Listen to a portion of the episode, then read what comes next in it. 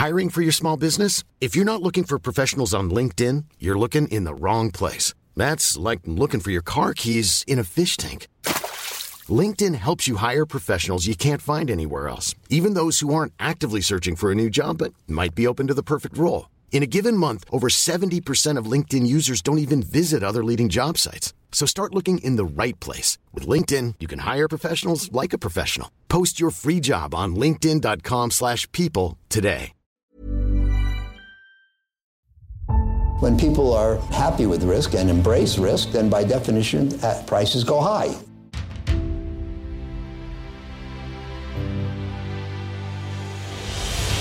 When the cycle turns down, they generally sell at prices that are far too low. This is not about getting more information. We live in a world where we have too much data. I'm uh, happy to report another stable quarter. Hallå och välkomna tillbaka till Aktiesnack. Det här är en podd som görs av och i samarbete med Kalkyl. Och idag ska vi prata lite bolag inom förnybar energi. Jag kommer att prata Arise som är en kortsiktig vinnare på energikrisen i Europa nu. Och Peter kommer att prata SolarEdge och Enphase som är lite mer spännande långsiktiga case. Ja men eh, hur känns börsen och hur är läget med dig Peter? Allt är fint, allt är som det ska. Buffett och Munger köper mer olja och nu består ju faktiskt över 10% av Berkshire Hathaways noterade portfölj av oljebolag. Och det är ju Chevron och Occidental Petroleum. Och min portfölj är fortfarande ner extremt mycket year to date, men det börjar bli lite vanesak, så det är inget som bekymrar mig allt för mycket faktiskt. Och som du precis sa då så kommer jag ju prata om SolarEdge och Enphase. Och något annat som är kul är ju att jag har fått ny lägenhet. Jag har ju varit ganska transparent med mitt eh, lägenhetsjagande. Och därav så har ju vi också fått en ny poddstudio, eller hur Magnus? Det har vi, mycket trevligt. Väldigt trevligt. Eh, och jag tänkte faktiskt ta upp det, det kanske jag borde gjort utanför poddinspelningen, men i och med att vi poddar hos mig så tänkte jag att du kunde brösta en del av hyran hos mig också. Då spelar jag hellre in på parkeringen då. Okej, okay. men jag, jag, tänkte också att du har, du har ju ganska mycket pengar och liksom vi poddar hos mig så du, du kanske ändå vill bidra liksom med, med någonting. Ja, nej men fan betalar du min uh, Voi till, uh, till poddstudion så kan jag köpa in lite. Nej, vi har inte en deal så att fortsättning följer på den här. However, hur är läget med dig Magnus? Ja, men det är bra. Jag tänkte gå vidare lite på det här temat med, med energikrisen och dra lite spaningar innan det också som jag tänkte börja med. Och eh, det har ju hänt en del grejer på energimarknaden sedan bara förra veckan. Och då har bland annat Estland inte haft någon el under en timme förra veckan. Det fanns helt enkelt ingen mer el att sälja. Och det var ju någonting vi pratade om kanske kommer ske i Sverige i vinter. Svenska kraftnät har gått ut och varnat för detta. Och det visar ju helt enkelt hur påtagligt det är med den här krisen att det är liksom till och med så att man inte har någon el. Det är inte bara det att priserna är höga. Och vi ska komma ihåg det att nu för Estland så skedde det ju i augusti när det är extremt mycket mindre elförbrukning än på vintern när alla ska värma upp sina hus och liknande. Så det borde verkligen inte gått inför vintern att ett land på andra sidan Östersjön fick slut på elen redan nu helt enkelt. Och vidare på temat eh, muntra energinyheter så kom Gazprom och sa att de kommer stänga av gasen helt till Europa i tre dagar i slutet på augusti. Och de säger att de bara gör det för underhåll, men man ska komma ihåg det att när de nu minskade ner gasen senast till Europa, då var det så att de hade ett underhåll de skulle göra, men sen slog de aldrig på gasen igen. Och då sa de att vi kan inte få reservdelarna vi behöver på grund av de här restriktionerna som Europa har mot Ryssland. Och de hade ju såklart kunnat få de delarna om de hade velat på omvägar. Men det var lite en markering mot Europa att på grund av de här restriktionerna ni har mot oss så kommer vi inte slå på gasen igen. Så frågan är ju lite, kommer de göra samma sak nu och ta ner det till noll helt enkelt från slutet på augusti? Och jag tror inte det riktigt för att nu så tjänar ju Ryssland ännu mer på försäljning av gasen till Europa än vad man gjorde för ett år sedan, trots att man säljer ungefär en tredjedel. Och det är ju för att priserna har ju gått upp med ungefär 1000%. Så att om man säljer en tredjedel men priserna går upp 1000% då tjänar man fortfarande på det. Men skulle de minska ner det till noll, då kommer de ju inte tjäna någonting och inte kunna kapitalisera på de här sjuka priserna vi har i Europa nu. Och sen eh, slutligen ännu en liten sån energinyhet är att eh, Uniper, som vi pratade lite om förra avsnittet, angående det här med vad man inte ska investera i när det kommer till energimarknaden. de är ju beroende av rysk gas för att driva sin verksamhet. Det är Fortumägda bolaget som säljer el i Tyskland. Och de gjorde 125 miljarder kronor i förlust första halvan 2022. Så det, det gäller verkligen att veta vad man investerar i när det kommer till den här delen av marknaden. För det är mycket bollar i rörelse just nu som inte är där normalt på grund av Rysslandssituationen. Men eh, vi har också haft lite bolag som rapporterat och ett av dem är affiliatebolaget eh, RakeTech inom online betting. Det är ett av mina innehav. De hade ju lite motigt kvartal, men det var väntat eftersom Finland har inlett lite regleringar mot affiliatebolag. Så jag tycker ändå att givet förutsättningarna var rapporten ganska stabil. Och det jag tog med mig framförallt var att man guidade ganska starkt inför H2. Eh, Dels så kommer det ju vara fotbolls-VM Dels så var juli en stark månad. De eh, uppdaterar ju hur det gick i då första månaden i Q3 när de släppte rapporten. Och sen har också Googles algoritmer kommit med en uppdatering som enligt RakeTech själva var fördelaktig och lite av en anledning till varför det gick bra i juli. Och när det kommer till de här affiliatebolagen så snackar man ju ofta om att det är en risk för dem att Google är en extern faktor som kan ändra sina algoritmer och det kan helt egentligen slå undan benen på bolagen. Men man ska komma ihåg det att det kan också vara någonting som är en fördelaktig risk så att säga. Att de kan göra en ändring som gör att det blir bättre för affiliatebolagen. Och det visar ju det här exemplet att det är faktiskt så att det kan ju bli någonting som hamnar i en positiv vågskål också. Sen har det också varit så mycket inom just eh, affiliatebolag och även kasino till exempel kopplat till eh, Evolution, alltså live-casino att de här regulatoriska riskerna kan man ju också se som inprisade, vilket gör att multiplarna faktiskt blir lägre på de här bolagen, vilket indirekt då kan göra att det faktiska kassaflödet då blir billigare. Så att man kan ju också betrakta den här regulatoriska risken som en potentiell möjlighet för att bolagen generellt har en lägre värdering. Ja men absolut, och där är ju affiliatebolagen värst i sektorn definitivt. För att de har ju dels den här iGaming-risken så att säga. Och sen också den här Google-grejen då. Så att de brukar ju ha ev någonstans mellan 5 och 10. Det, där ligger ju RakeTech också. Så att uh, helt klart en poäng där Peter. Pris är vad man betalar och värde är vad man, vadå Magnus? Får! Exakt så. En vis man Peter, det är vad du är. Sen har vi också ett annat bolag, eh, bröderna A och Johansson som var jäkligt heta förra året har kommit med rapport. Och den tyckte jag var väldigt bra givet eh, förväntningarna som varit nu med en byggsektor som gått ganska trögt i Europa. Men då ska man ha med sig också att de hade ju ett förvärv som började räknas in från första april. Så att artificiellt var det lite högre än vad det hade varit om man bara kollar organiskt. Men även organiskt så var det ganska fint resultat.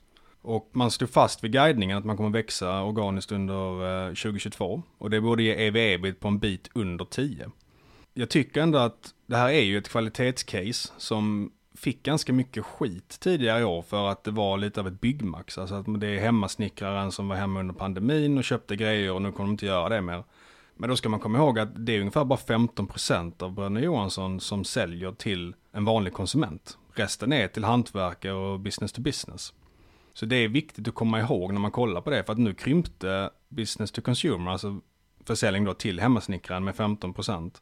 Men på grund av att det var så liten del av verksamheten så blev det ändå ett ganska bra kvartal. Så att jag äger faktiskt inte aktier längre i det här bolaget trots att det var mitt största innehav så sent som i vintras. Varför inte då? Det är ju mycket för att byggsektorn kommer förmodligen ha ett ganska tufft år, även om man inte visar det nu. Men det tar ju lite tid för räntorna att arbeta sig in i systemet och göra att det går lite sämre.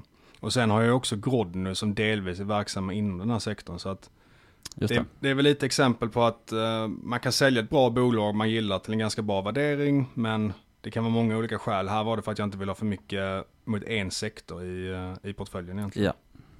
Gott, men då ska vi uh, gå vidare till Arise. Och Arise är ett bolag som jag har följt i över två år nu. För att när jag jobbade på Pensor som analytiker så följer de professionellt också. Och det är ju en aktie också som har gått som eh, lite av en raket upp senaste månaden. Den är upp över 30% i juli. Och eh, det var den inte när jag skrev den här genomgången. Men jag satt och tänkte på det att det sätter under fingret ganska bra på det här. Ska man köpa en aktie som har gått 30% senaste månaden och hur ska man tänka där? Och jag kom fram till att det har väldigt mycket att göra med tidsperspektivet man har. För att är du långsiktig då är det ofta en väldigt dum idé att inte köpa en aktie för att den är några procent för dyr. Så kanske du missar en uppgång på flera hundra procent närmaste åren. Men är du relativt kortsiktig, då är det nog inte så bra att köpa en aktie som väldigt nyligen har rusat ordentligt som ett streck upp. Så det är i alla fall en, eh, en aspekt jag tog med mig när jag tänkte på caset. Så Så jag missade lite, jag tänkte att den skulle falla tillbaka, jag tänkte köpa lite mer. Det blev inte så, men jag hade fortfarande en ganska saftig position innan på grund av att jag tror att den kommer ha ett väldigt bra halvår framöver. Och det eh, Arise gör då det är att man säljer el från vindkraftverk. Samt så tar man också bygger vindkraftverk som man säljer till väldigt kapitalstarka aktörer som exempelvis pensionsfonder eller liknande. Och elprisen är ju på rekordnivå, som säkert de flesta vet. I Tyskland så har man eh, kontrakt i december som är ungefär 1000% dyrare än normalt. Och Arise säljer el i södra Sverige som förmodligen också alla vet är ett område som har betydligt högre priser än vad norra Sverige har just nu.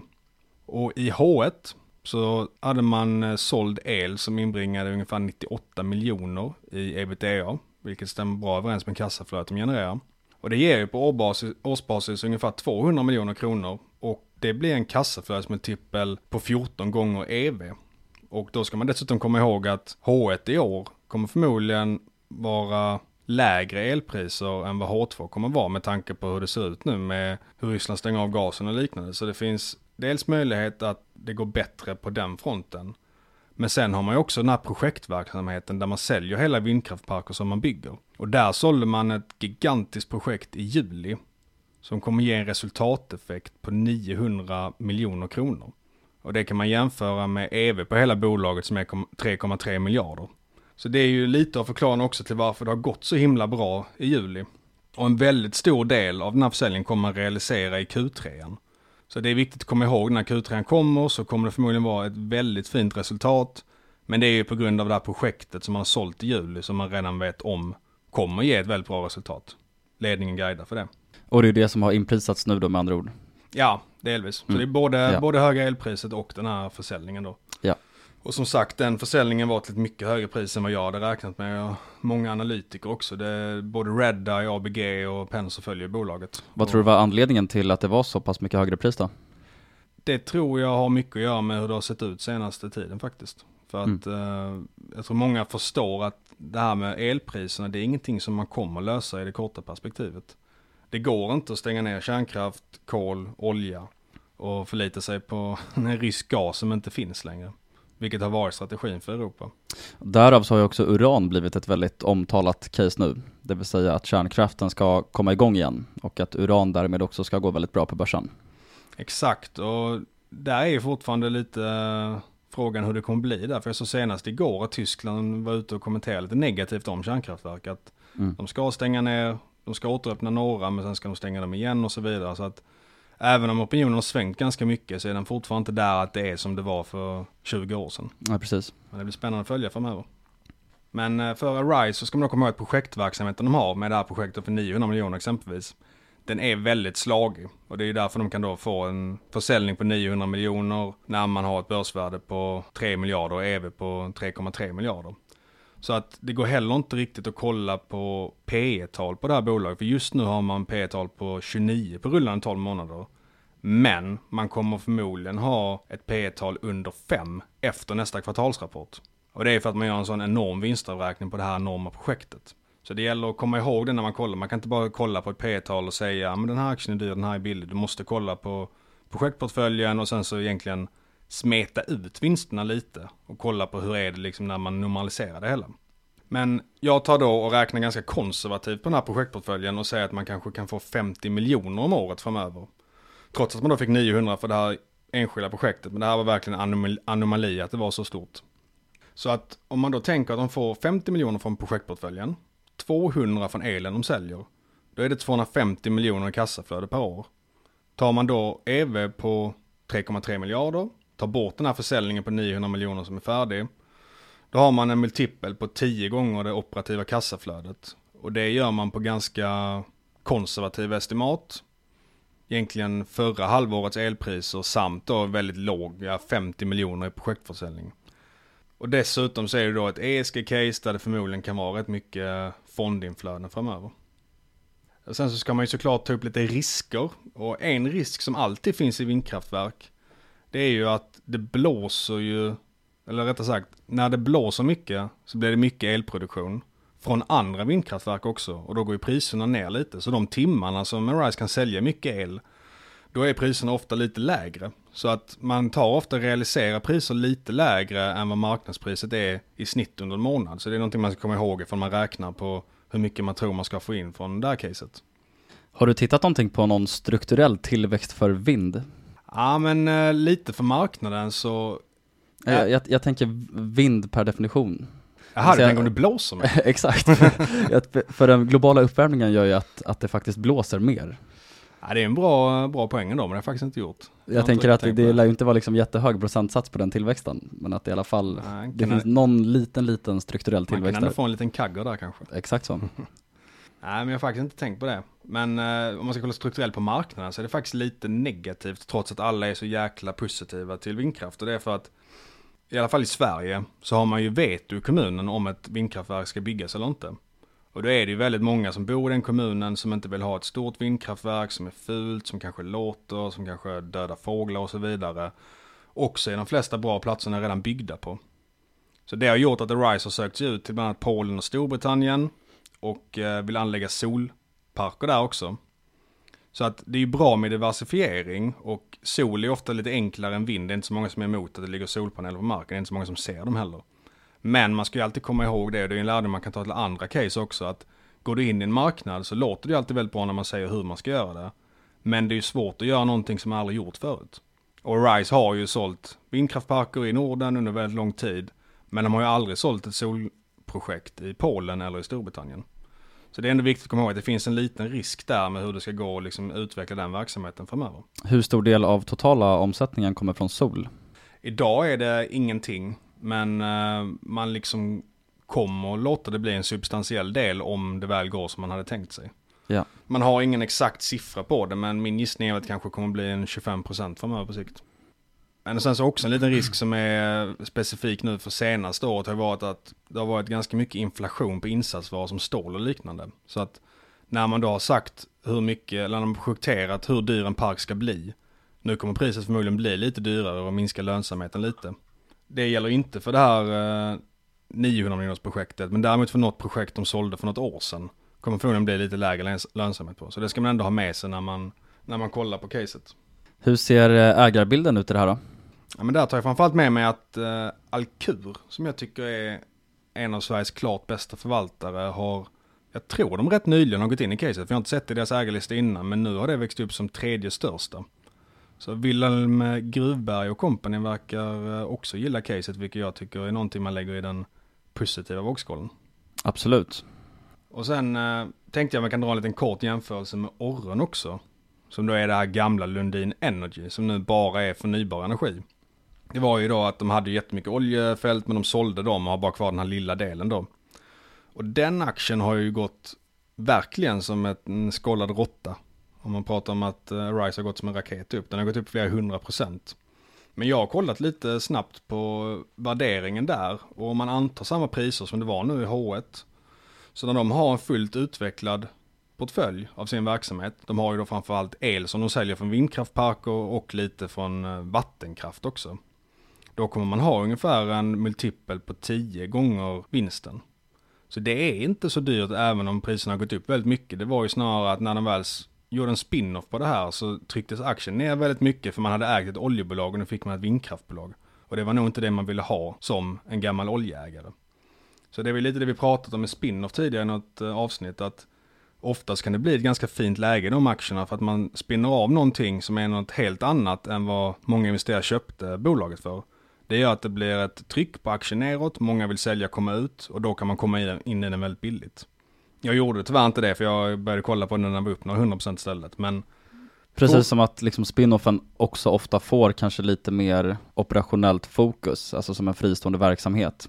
Det vill säga att det tillsätts en liksom specifik VD för avknoppningen också. Så att det blir ett annat fokus på just den businessen. Ja men exakt, istället för kanske vara någon liten grej i skymundan i Lundin Energy så blir det liksom ett helt eget företag som ska ha kvartalsrapporter och presentera för ägarna varje kvartal. Exakt, och så kanske det är någon VD som får skin in the game i det specifika bolaget så att incitamenten också, alltså hur det går för, för spin-offen får mer avtryck egentligen, alltså för de som är ledning på det bolaget. Ja men exakt, och där ska man komma ihåg också att Lundinarna är ju extremt duktiga när det kommer till att göra, utveckla projekt och få dem att bli lönsamma och bra. De har gjort Ja. det inom allt möjligt, inom olja och koppar och så vidare. Så att De har ju förmodligen väldigt bra kontaktnät också när det kommer till att driva projekt. Sen är det inte så mycket erfarenhet inom just vind, men jag tycker ändå det är lite USP att man har ändå väldigt duktiga då ägare som driver företaget. 100%.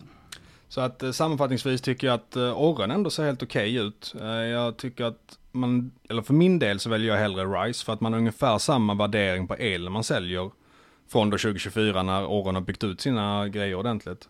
Men man har ju den här projektverksamheten i RISE också, att man helt enkelt har och bygger parker och sen bara säljer dem direkt. Så att RISE lite bättre värdering men, men Orren är spännande också. Mm. Bra summering Magnus.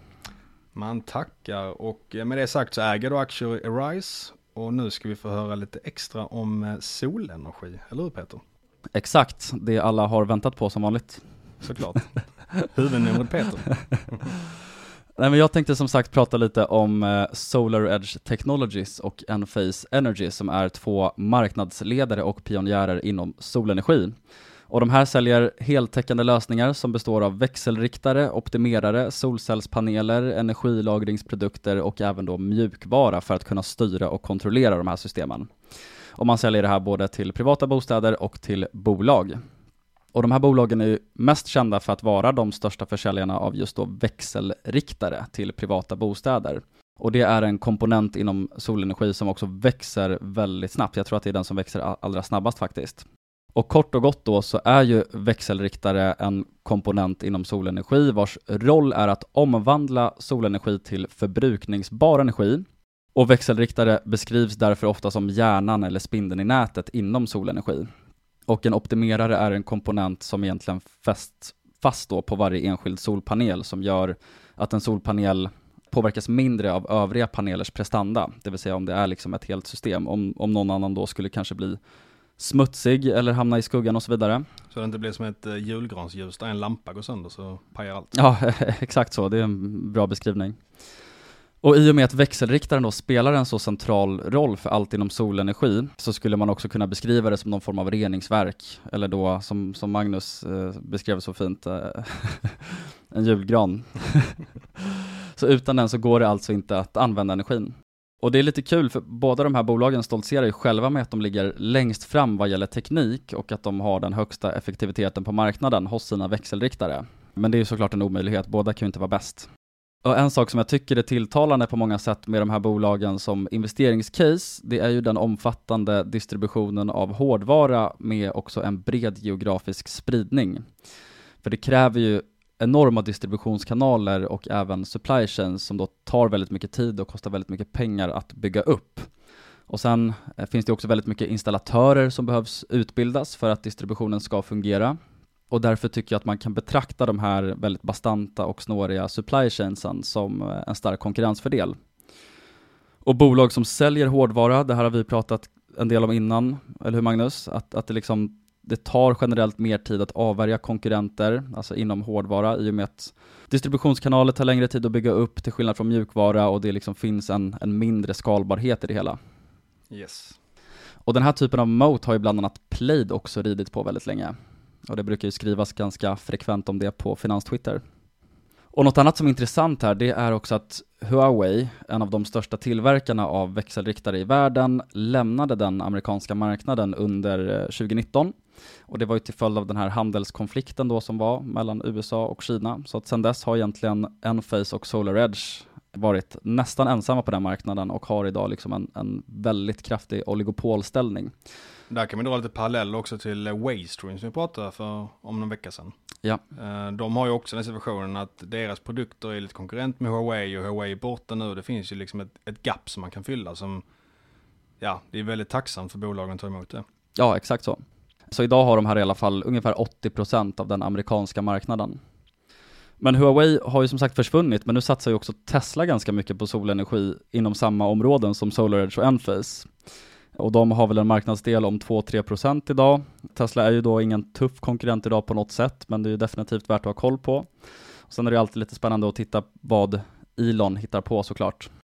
Men vad är det då som är så spännande med just solenergi?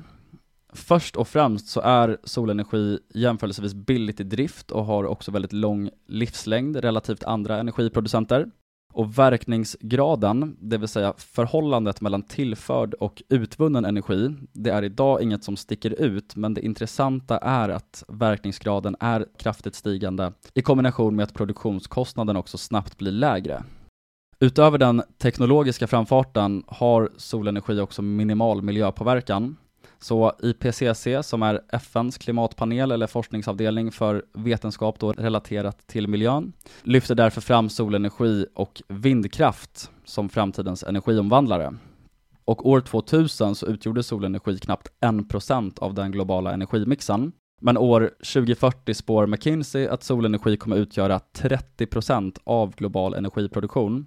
Och idag utgör vind och sol tillsammans ungefär 3% av den globala energiproduktionen samtidigt som fossila energikällor, det vill säga kol, olja och naturgas utgör ungefär 84%.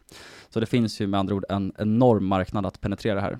Och där kan man ju flika in också att det går ju väldigt snabbt framåt i tekniken både för vind och sol. Jag kommer ihåg det att eh, Eolus som jag också bevakar på Penser, de ersatte ett projekt i USA med 400 vindkraftsnurror och så ersatte de det med åtta stycken. De här 400 installerades på 80-talet, nu 2021 så installerade de åtta stycken och de hade dubbelt så hög produktion som de 400 hade som byggdes på 80-talet. Så att det går ju väldigt snabbt framåt och det är också en anledning till att man kan ha solenergi i Sverige, vilket man inte kunde egentligen för 20 år sedan. Så det är en utveckling med 100x i termer av produktivitet va? Ja, det blir det, det nog. Så det, det skojar man inte bort 8 genom 400 år. och sen så hade de dubbeleffekt sa du? Ja. Ja. Ja men det är väldigt, väldigt imponerande. Och en annan sak också kopplat till, eh, till liksom den globala energimixen, det är också såklart kärnkraft. Och i jakt på mer kunskap så har jag kommit till lite nya insikter här. Uran är ju beräknat att ta slut om cirka 30 år om det förbrukas i samma takt som det gör idag. Och det är förutsatt att vi inte finner mer uran i jordskorpan. Och jag tycker också att man bör ha lite förståelse för svårigheten att förutse moder naturs humörsvängningar och de här riskerna som det medför också. Och det gäller ju då både förvaring av radioaktivt avfall likväl som kärnkraftverk. Om vi tar till exempel kärnkraftverket som råkade ut för en olycka 2011 i Japan, alltså Fukushima, så specialdesignades ju det för att vara motståndskraftigt för jordbävningar och flodvågor, men vi vet ju alla hur det gick. Nu ser vi också att Putin har beslagtagit ett av Ukrainas största kärnkraftverk som han hotar att bomba, vilket såklart skulle bli liksom förfärliga konsekvenser om han bestämde sig för, för att göra det. Så oavsett hur låg probabiliteten är för att det ska gå fel kring kärnkraftverk så är det ju återkommande att det ibland sker oförutsägbara saker som innebär väldigt stora risker. Och ja, vi är ju faktiskt beroende av kärnkraftverk idag. Magnus har ju tjatat nu i ganska många avsnitt om hur, hur, hur mycket kris det är runt energi. Men i det långa loppet så är ju det också faktiskt en energikälla som kommer att bytas ut. Och idag utgör kärnkraft ungefär 10% av den totala globala energiförbrukningen. Och även om kärnkraftverk då kanske faller bort lite från den röda tråden i det här caset så tycker jag ändå att det är värt att nämna, för det är ju som sagt också en marknad som de här eh, kommer äta upp på sikt helt enkelt. Alltså det vill säga förnybara energikällor. Hur som helst så är ju solenergisektorn ganska svåranalyserad i och med att det finns fortfarande ingen klar vinnare förutom kanske då Solar Edge och Enphase och sektorn är fortfarande väldigt ung som sagt och den utvecklas väldigt, väldigt snabbt. Och om man ska jämföra de här två bolagen så tycker i alla fall jag att SolarEdge är betydligt mer intressant som ett investeringscase. Jag gillar ju till exempel att SolarEdge investerar ganska tungt i R&D. Alltså bolaget investerar ungefär 30% av sin bruttovinst i R&D. Och det här är mer både procentuellt och långt mer i absoluta tal, cirka dubbelt så mycket jämfört med konkurrenten Enphase. Och Enphase investerar omkring 20% av sitt bruttoresultat på R&D. Och rent statistiskt så är ju R&D tunga bolag ofta vinnare i längden, även om de då kortsiktigt har en större kostnadsbas. Och det här var en av de sakerna som till exempel investerarlegendaren Philip Fisher tittade mycket efter, det vill säga ledningar som då vågade investera i framtiden snarare än att maximera vinst på kort sikt. Sen ska det såklart också investeras i rätt saker och på ett effektivt sätt.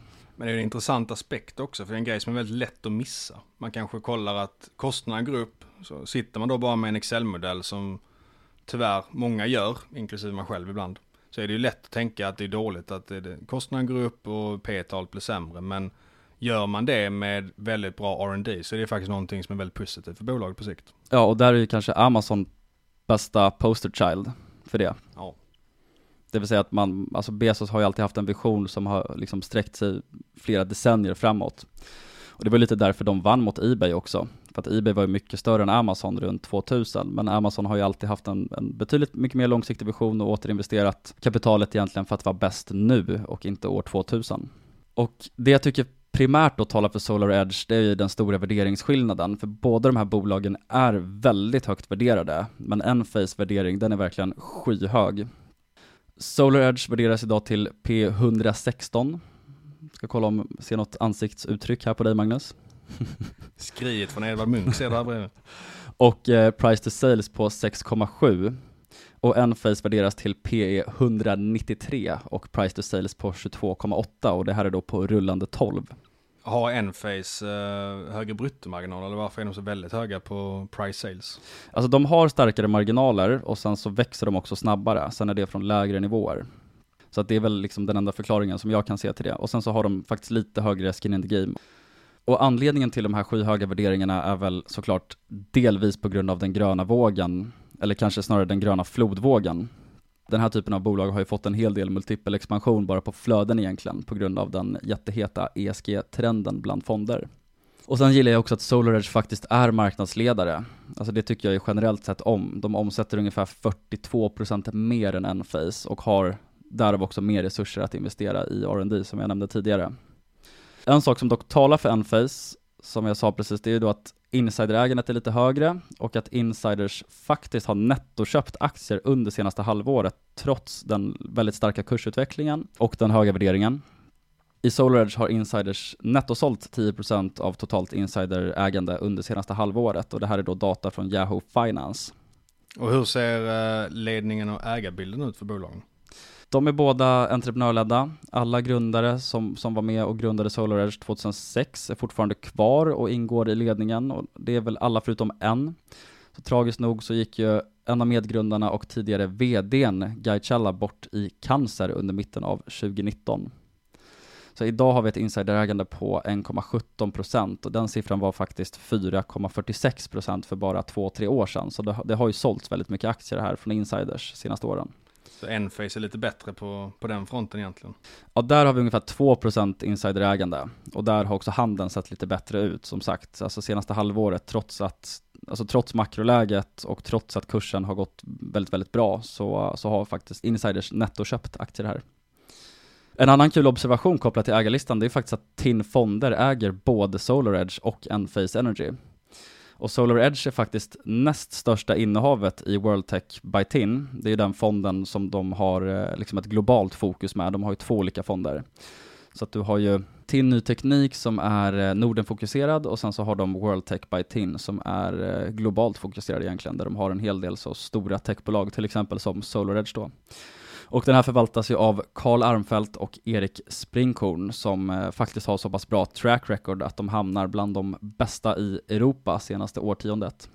Och 5,2% av den här fonden då var ju placerad i SolarEdge vid senaste uppdateringen och ungefär 2% i Enphase. Så att de delar ju åsikten med mig då att SolarEdge framstår som eh, mer intressant. Sen måste jag såklart nämna att solindustrin har varit otroligt het i år på börsen. Solenergi är ju faktiskt en av de nischerna som har gått bäst på börsen inom techsektorn. De är bara 13% från sin 52 week high. Och det är väl också rimligt med tanke på energikrisen, eller vad säger du Magnus? Definitivt. Och för, för att summera de här casen så tycker jag som sagt att bolagen i sig är otroligt spännande och de kommer säkert kunna växa i flera decennier framåt. Och eh, i och med att de är marknadsledare så kommer de också vara delaktiga i att eh, revolutionera den här branschen tror jag. Men jag tycker att värderingarna är alldeles för höga idag för att jag skulle vilja äga det här. Sen har jag å andra sidan haft fel här förut. Jag har ju ägt både SolarEdge och Enphase tidigare och sen jag sålde Enphase så har aktien gått upp med 650%. Det är inte fy skam. Nej, man ska komma ihåg det att enligt nästan alla prognoser så kommer ju vind och sol växa hyfsat bra ändå, i alla fall över 5% fram till 2050. Och det är väldigt få branscher som har den långsiktiga tillväxten, men eh, ja. det kryper lite i kroppen när man ser värderingen faktiskt. Ja, men så är det faktiskt. Gott, men för att eh, sammanfatta avsnittet så har vi då Arise som är lite mer en kortsiktig vinnare på energikrisen och de här två solbolagen då, SolarEdge och Enphase som kommer ha en strukturellt väldigt stark tillväxt under lång tid och det är fina bolag i sektorn. Så att eh, ta hand om er där ute. Gå och sola nu medan ni fortfarande kan det på det här temat. Så eh, hörs vi igen nästa vecka. Stort tack! Stort tack för att ni har lyssnat. Ha det fint allihopa. Ciao! Ciao!